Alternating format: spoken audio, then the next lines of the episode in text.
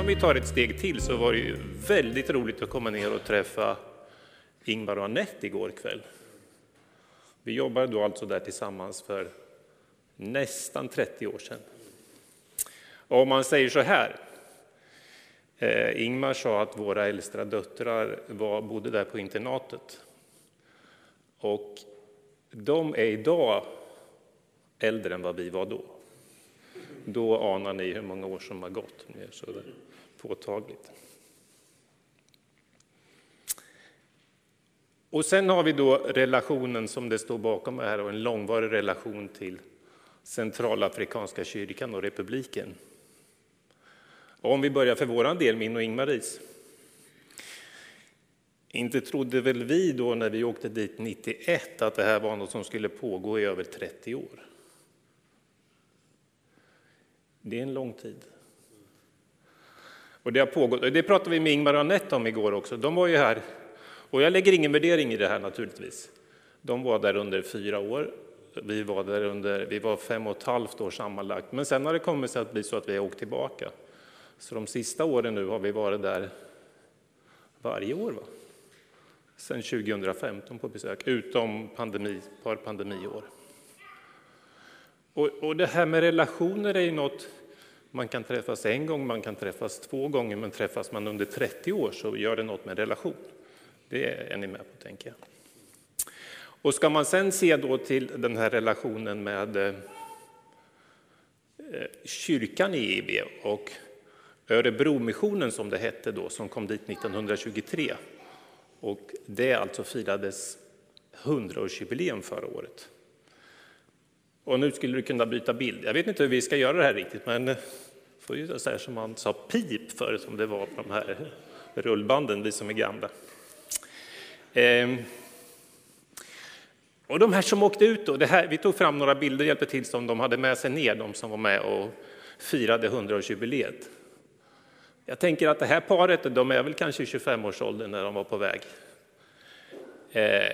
och vilket steg att ge sig iväg då. Eh, utan att på något sätt förringa kallelsen som fanns där, så tror jag även att det fanns ett, ett visst mått av att få se något annat av världen. Annars så var det nog ganska stor, jag vet inte vad jag ska kalla det, risk eller det normala var att man kanske var kvar på den ort som man bodde. Men det här var ett sätt att komma ut. Och kyrka och mission lever ju för sig inte sitt eget liv, det har ju relation till var i historien man finner sig någonstans. Och när vi kom ut, 91, då sa man, nej men nu är det inga missionärer kvar här längre i Centralafrika. Och då var vi väl 25, 30 vuxna. Men idag, idag finns det verkligen inga svenska missionärer kvar i Centralafrika. Utan det är vi, det här resursteamet som vi ingår i, som är förutom mig och Ingmarie, Göran Jansson, som är teolog, ni känner kanske till honom, var rektor på Örebro Missionsskola, Isak Björklund som är läkare och Andreas Dagenäs som är ansvarig för arbetet i Afrika.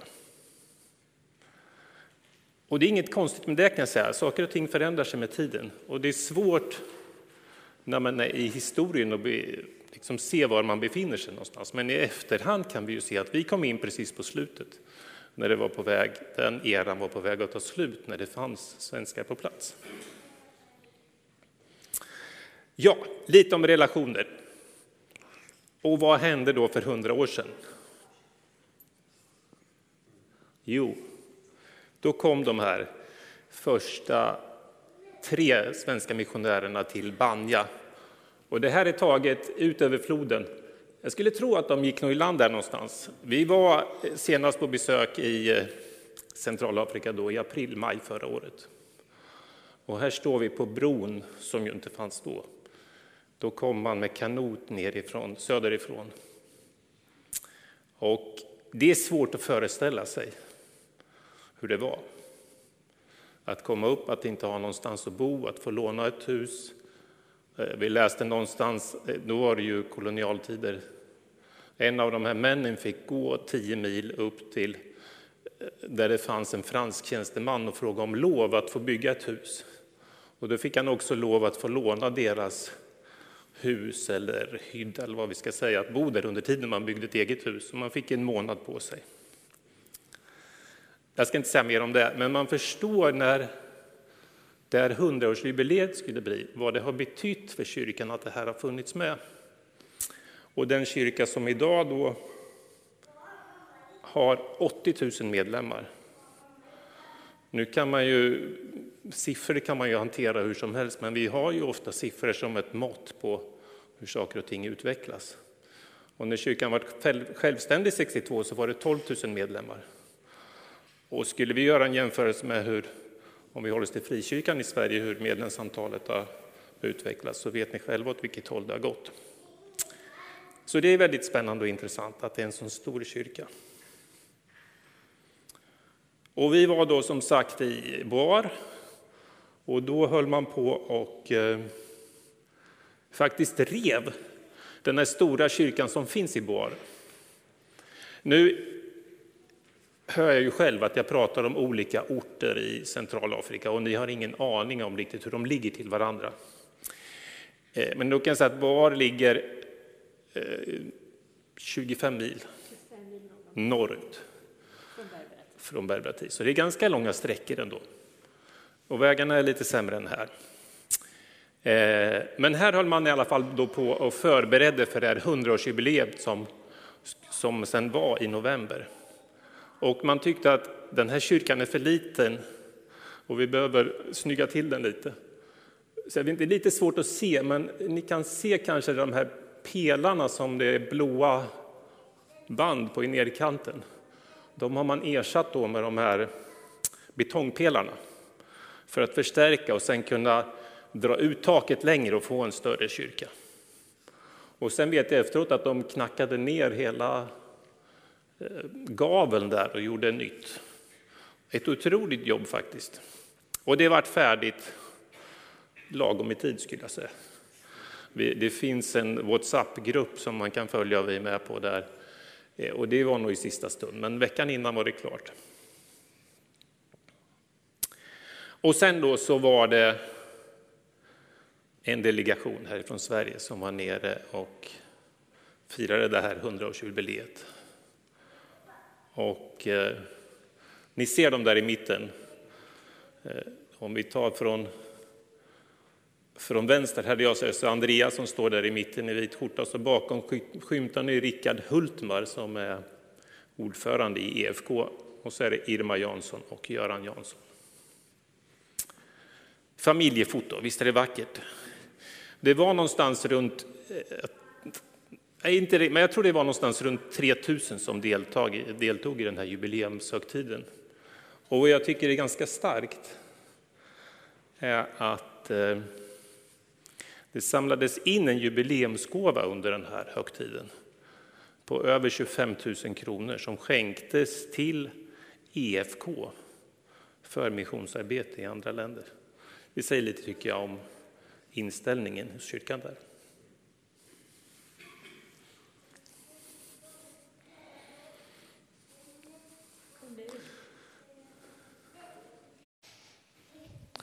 Och nu ska jag ta er med till Gambola.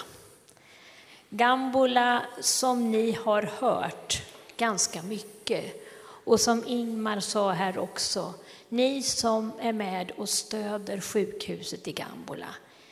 Ni har ett stort engagemang för Gambola. Och vet ni, när jag och Gunnar kommer dit, då känner vi oss hemma. Det är en ganska en väldigt märklig känsla av att leva på en plats som är så totalt olikt Sverige. Tittar man på alla skalor som finns så är det ett land som står längst ner. Lägst inkomster, svårigheter, hög barnadödlighet, ett kort medellivslängd, massor med negativt. Och vad lätt vi har att säga vilka fattiga människor. Men vet ni vad? Säg inte så. Säg att det är människor som lever under fattiga förhållanden. Det är människor som lever i väldigt svår situation. Det betyder att vi möter inte fattiga människor. Vi möter människor, har relationer med människor som lever i en svår miljö. Nej, vänta, backa en till. Jag ska säga vad det här är. Här står jag uppe precis innan sjukhuset i Gambola. Vad är Gambola? Ja, det är en, stad som ligger nära gränsen till Kamerun. Det finns ett Gambola 1 och Gambola 2. Gambola 2 det har blivit som ett eget område runt sjukhuset och runt den, som man sa för länge sedan, missionsstationen som ÖM fick av den franska staten. Missionsstationen som idag säger sjukhuset eller området, kyrkans område. Där står jag och tittar ner och är fortfarande inne på det här området och tittar ner ifrån sjukhuset och här är gatan upp. Och jag känner en glädje när jag ser den här bilden. Längs den här gatan, nu kan du byta bild, sitter kvinnor, oftast kvinnor, och säljer det som de har odlat på sin plantering. För så är livet för människor. Och det är väldigt mycket som naturligtvis kretsar runt det här området och sjukhuset. Och en del jobbar på sjukhuset, men många säljer också av sina varor som de odlar. För när man kommer på sjukhuset, ja inte får man någon, sjukhusmat. Utan man måste köpa mat till sina anhöriga, gå ut på torget, köpa och det betyder att varje sjuk person har med sig släktingar som lagar mat. Så det blir liksom en, helt, en hel kommers runt det här sjukhuset. Så många lever på sjukhuset, av sjukhuset. Nu kan vi byta.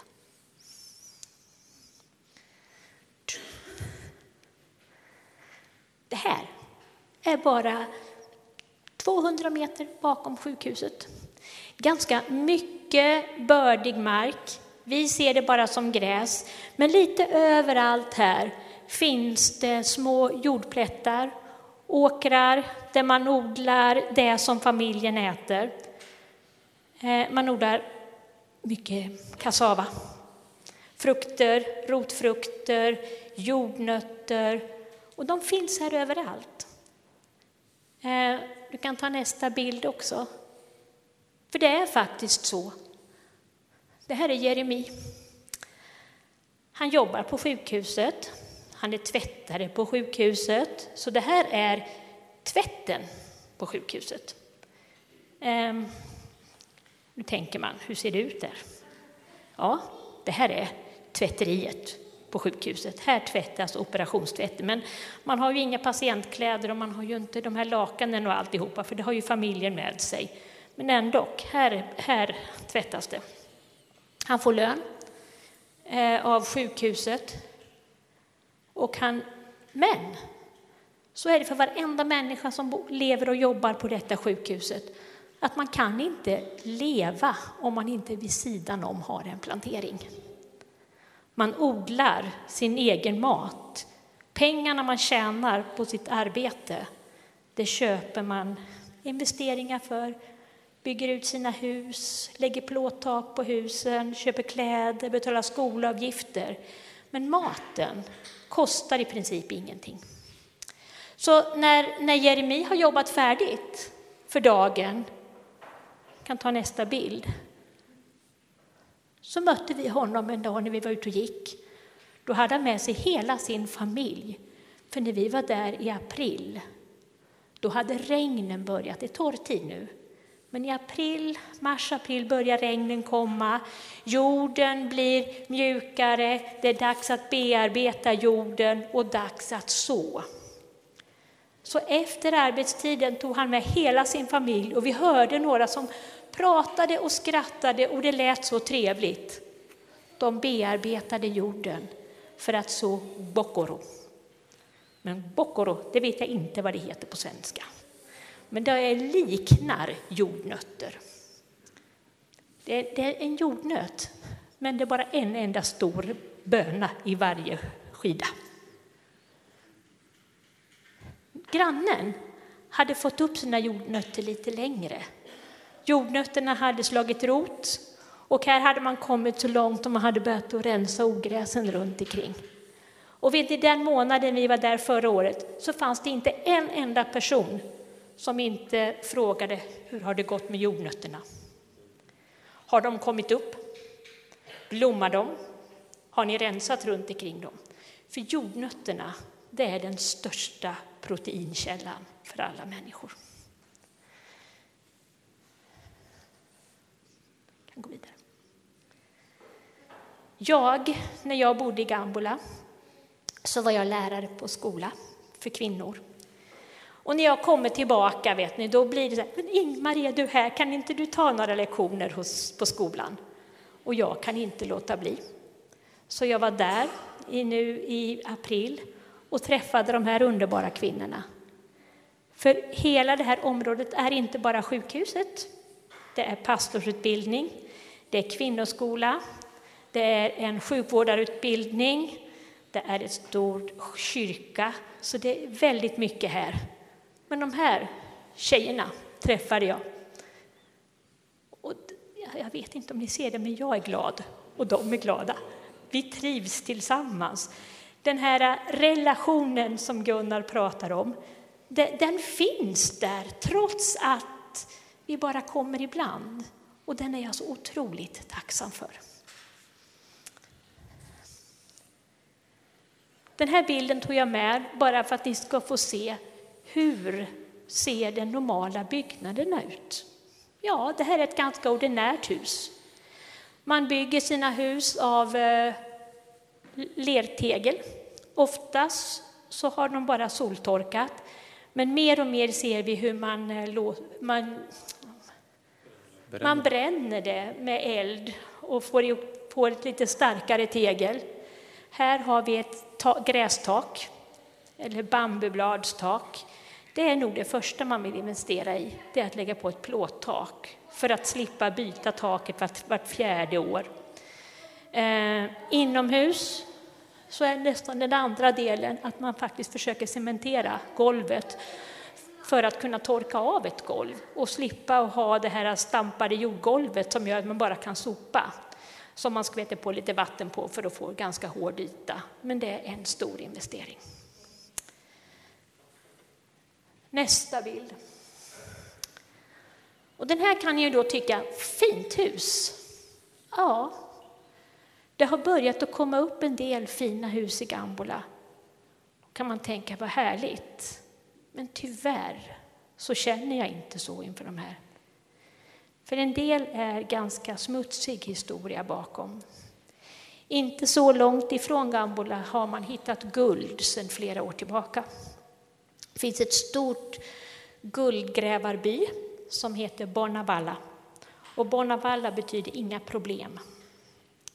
Men alla människor, nästan som vi mötte i Gambola, sa Bonavalla är ett fel ord. Det är verkligen problem där. Det ligger bara cirka två mil ifrån Gambola. Eh, priserna på grödor går upp därför man vill sälja i Bonavalla som gör att det är svårt att få tag på en del. I Bonavalla sliter folk hårt. Eh, guldet ligger på ungefär sju meters djup och man gräver hål rakt ner som är tre gånger tre meter. Där nere står man med spätta, spett och hacka, vilket gör att det blir väldigt mycket skador i de där hålen. Det är ett hårt arbete. En del tjänar pengar, men det är som ett stort lotteri. En del hittar guld, en del hittar inte guld. De som hittar kanske har investerat i hus, eller som här, en bar där det säljs ganska mycket alkohol. Och det gör det i de här guldgrävarbyarna också. Och, guld, och alkoholen är ganska billig. Den säljs i så här små förpackningar, fyra centiliter, som går att få ihop pengar till. Och människor som jobbade med guldet sa många gånger att ja, vi hörde dem sa man måste nästan ta en sån där innan man går ner i hålet och ett par när man kommer hem på kvällen för att orka med arbetet. Så guldet blir inte... Det är klart att det blir en del investeringar till de där plåttaken men det blir också mycket svårigheter och en del på sjukhuset.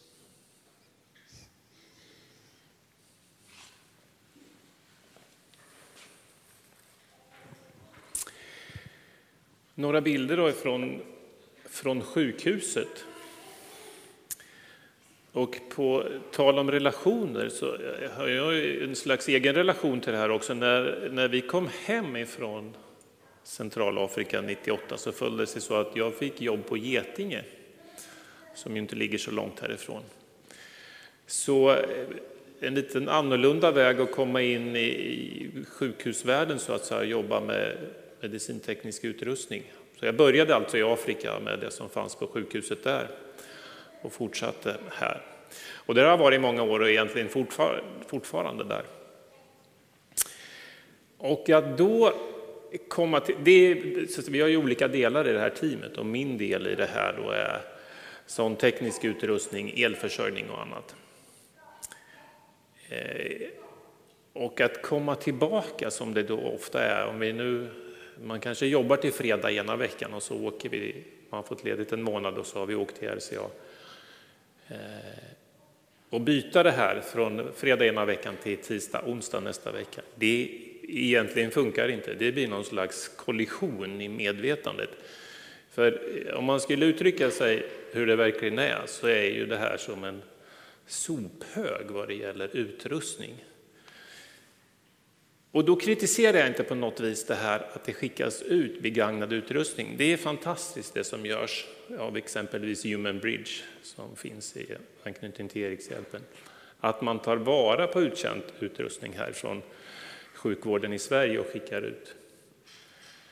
För det är mycket som går att använda, men det sorteras ju ut här i vårt land av en anledning, nämligen att det är svårt att underhålla och det bedöms som för dyrt att underhålla. Och det blir ju inte enklare och billigare att underhålla därför att man förflyttar det till Afrika. Ni förstår problematiken utan att jag förklarar det mer. Men som sagt, samtidigt är det ju fantastiskt att det här kommer ut och det betyder något i, i det här väldigt fattiga landet. Sen sa Ingmar det, och det är helt rätt att det här är människor som lever under fattiga förhållanden. Och även om man säger så, att det är människor som lever under fattiga förhållanden, så kan det ju låta väldigt eländigt. Och det är det förstås rent hur man har det. Men samtidigt, och det känns som måste säga det, att det finns ingenstans där man skrattar så mycket som när man är på besök i Centralafrika. Det låter väldigt konstigt. Och frågan är varför det är så mycket roligare. Jag vet inte riktigt. Jag tycker inte jag är väldigt negativ här i Sverige heller, men det är, det är svårt att förklara. Det måste nog upplevas, tror jag. I alla fall, det här sjukhuset. Sjukvård var ju något som man eh, sysslade med redan från början. Det var en del i i missionsarbetet, att man satte upp en liten sjukstuga eller dispensär som man säger. Och det här sjukhuset byggdes 74 och har fungerat sedan dess. Och det är ju verkligen Sjukvård är ju inte enkelt att bedriva och det är dåligt med resurser. Vi ska komma in ska få se lite utrustning sen. Och sen, eftersom ni stödjer så fint sjukhuset också, eh, det här med elförsörjning. Vi pratar ju om ett land där det i princip inte finns något publikt elnät utom i huvudstaden. Och vi har, det är så svårt att ta in på något sätt att det inte finns någon el. Jag har haft någon sån här visning för kollegor ibland och pratat om. Och så säger ja det finns ingen el, det är alla med på. Och så pratar man en stund, så här, men varför kunde man inte slå på elen? Ungefär så. Vi, vi har så svårt att mentalt tänka oss ett samhälle där det inte finns någon elektricitet. För skulle strömmen gå här nu skulle det bli någon slags kaos även i det här. Här skulle vi klara oss bra utan el, men det skulle ställa till det direkt. Men så ser det ut där.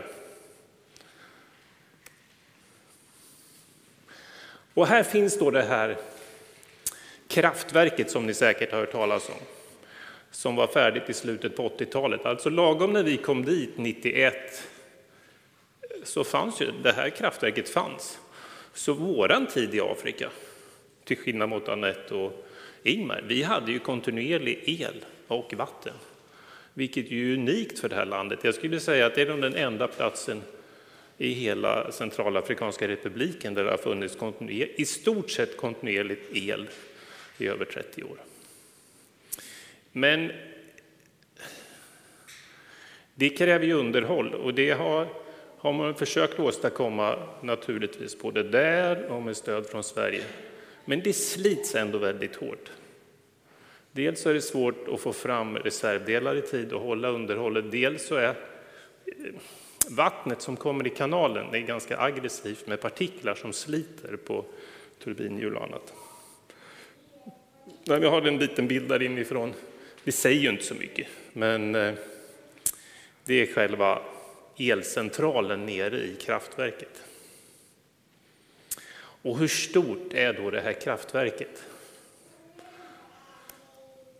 Ja, i min värld här, vi kan ta nästa där, så, eh,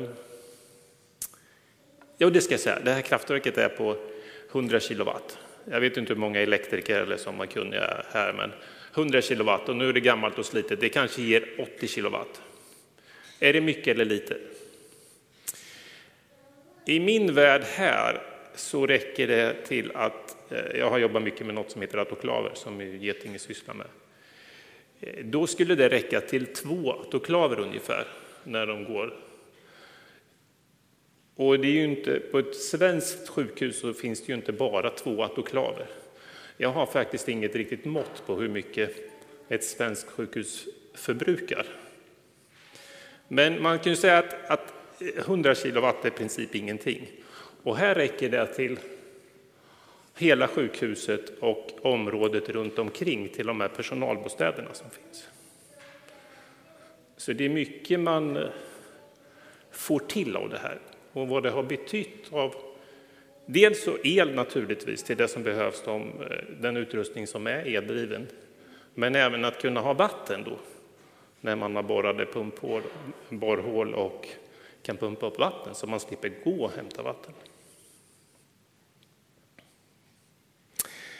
Lite mer då om utrustning. Om, eh, det här är faktiskt en autoklav. Det här var de första autoklaverna jag såg i mitt liv. Sen kom jag hem här och började på Getinge som sagt. Nu har jag sagt det tre gånger, nu ska jag inte säga något mer. Eh, och då förstod jag inte riktigt vad det var, för en autoklav på ett svenskt sjukhus här, den är ju kanske ungefär som bort i notstället här, och man kör igenom mängder med instrument. Eh, men den här funkar där. Det är ju en tryckkokare i princip. Och den här var relativt ny då, 91. Så den är då alltså dryga 30 år nu. Den utrustning som kommer ut dit, om den, man ska säga den här var rätt ny, ja då är det kanske ungefär 30 år gamla grejer som finns där. Och som sagt, det är ju fantastiskt att det kan fungera på det sättet att det kommer ut. Men det är ju inte självklart att det går av sig själv så att säga. Nu när vi var där så hade det kommit ut, det finns ett amerikanskt par som jobbar där. Och de hade fått till och skickat ut en röntgenutrustning är det där. Eh, och det är, ja, vi höll på att jobba med den där i de två och en halv vecka vi var där. Mest Luke som man heter, eh, men jag gjorde vad jag kunde. Även om jag var lite så här, kan jag verkligen göra det här? Nu kommer man in den här blandningen mellan Sverige och där. Jag, jag jobbar ju tillsammans med de som jobbar med röntgen, men jag får inte röra den här i Sverige. Det är ganska spännande. Röntgen är ju faktiskt farligt och man behöver vara utbildad för att göra det. Men i alla fall, jag gjorde väl det jag kunde. Och de gjorde ännu mer, de som aldrig hade sett en röntgenapparat.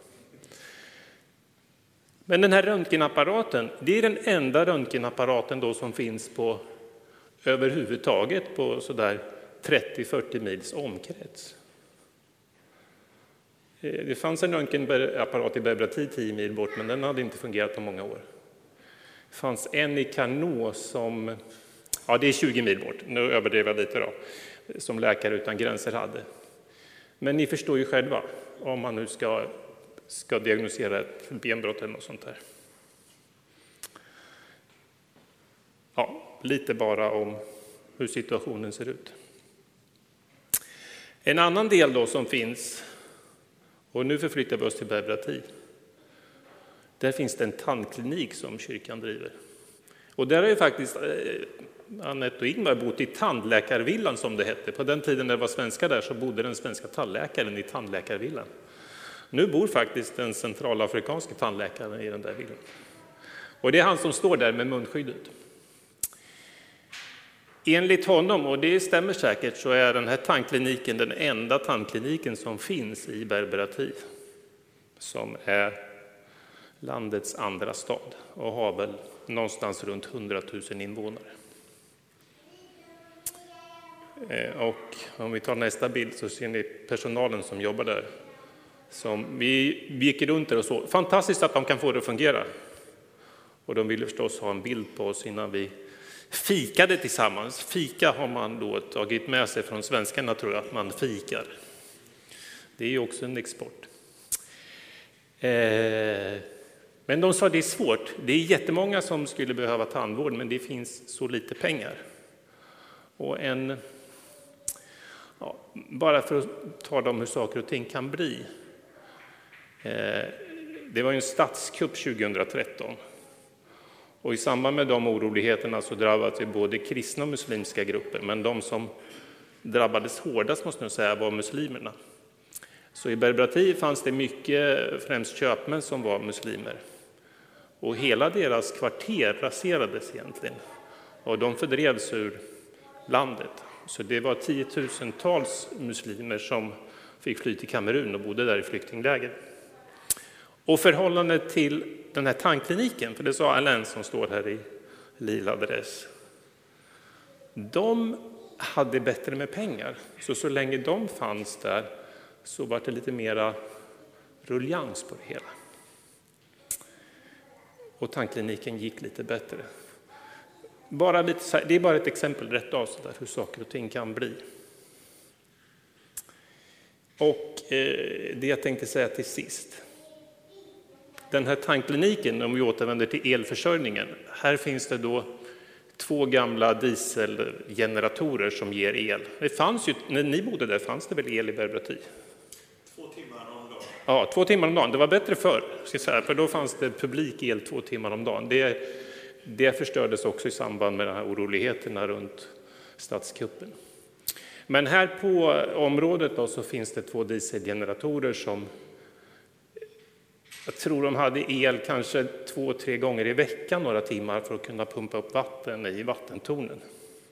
Men nu finns det tankar på att försöka få fram pengar till solceller för att kunna försörja tandkliniken och kyrkans huvudkontor. Och det är faktiskt så att nu, det har hämtat sig lite efter de här oroligheterna så det finns möjligheter att köpa solceller på plats och styrutrustning. Det kanske inte är den bästa kvaliteten, men det är ändå lättare att kunna köpa den på plats än att få transportera dit den. Så det finns tankar på det och det har IFK anställt en kille nu på en projektanställning på 20 procent.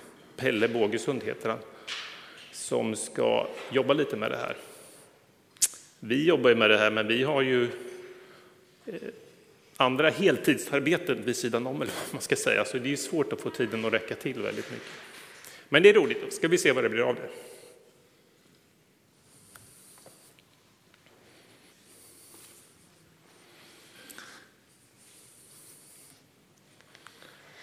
Nu ska jag avrunda det här, för vi har pratat ganska länge. Och jag ska avrunda det med den här bilden. Och på något vis får den här bilden vara lite symbol, tycker jag, för det här med relationer. Och jag ska snart läsa dagens episteltext.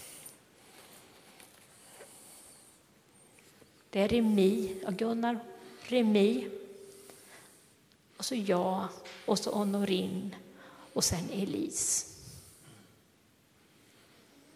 Det är sista kvällen innan vi började vår hemresa i maj. relationer.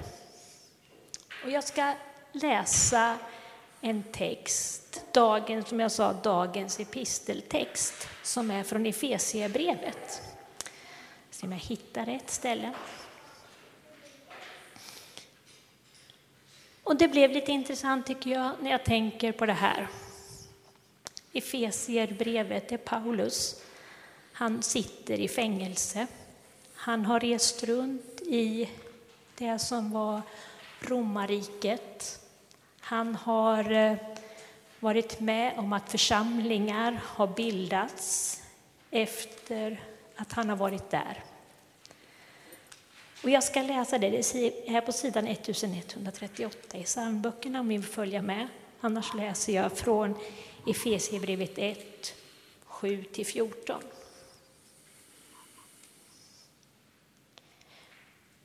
I Jesus Kristus och genom hans blod har vi friköpts och fått förlåtelse för våra överträdelser.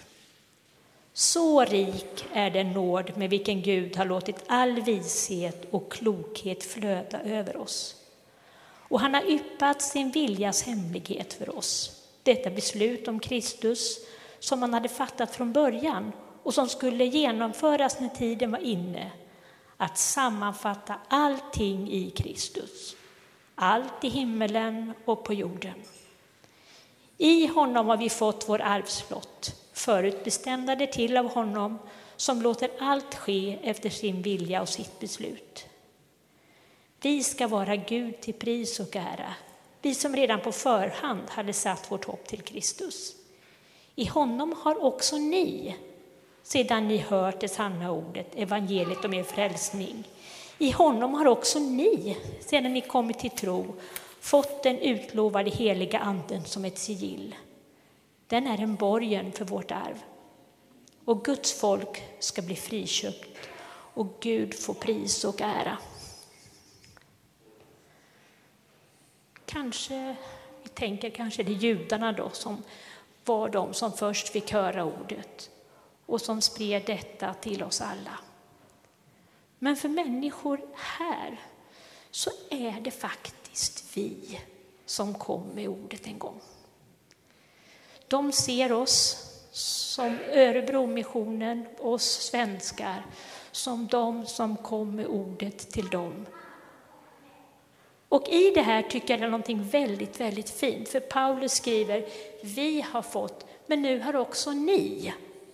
Det här vi och ni visar på en stark relation. Det är så jättelätt tycker jag att vi när vi pratar om mission och vi tittar på det som händer långt borta blir ett vi och ett de där. Men vi vill med det här säga att det är vi och ni. Eller till och med vi och vi. Vi är ett. Vi är syskon. Vi har Kristus tillsammans. Vi är alla en familj. Och era gåvor som ni ger till det här sjukhuset, som ni ger till det här, hoppas jag ni känner att det är till era syskon i Centralafrikanska republiken. Inte vi, inte dem, men vi och ni, eller till och med vi, bara ett vi. Jag vill avsluta här med att be. Och jag börjar att be lite på sango så ni får känna att ni är där och sen fortsätter jag på svenska. Nzaba baba moso moyeke na dunia so. Moba asho so abumbige na Falkenberg na ndapere so. Ala bumbi tenti ala yetima yanga timo. Timamo. Lega ko asho na Centrafrique. Ala kwa yetimamo alla bumbi titele alla ke e, i beoko na popo titere. Ja, Gud. Jag vill tacka dig för din godhet. Att det som du förutbestämde en gång i tidens begynnelse, att allt skulle sammanfattas i Kristus Jesus.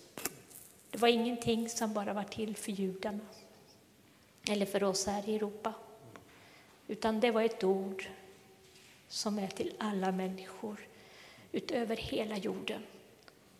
Och vi är en stor familj, alla vi kristna. Vi ska naturligtvis inte bara stanna med att ge gåvor till varandra inom familjen, utan alla människor, alla människor ska få ta del av det goda som du har lovat oss. Hjälp oss att se varandra som syskon. Amen.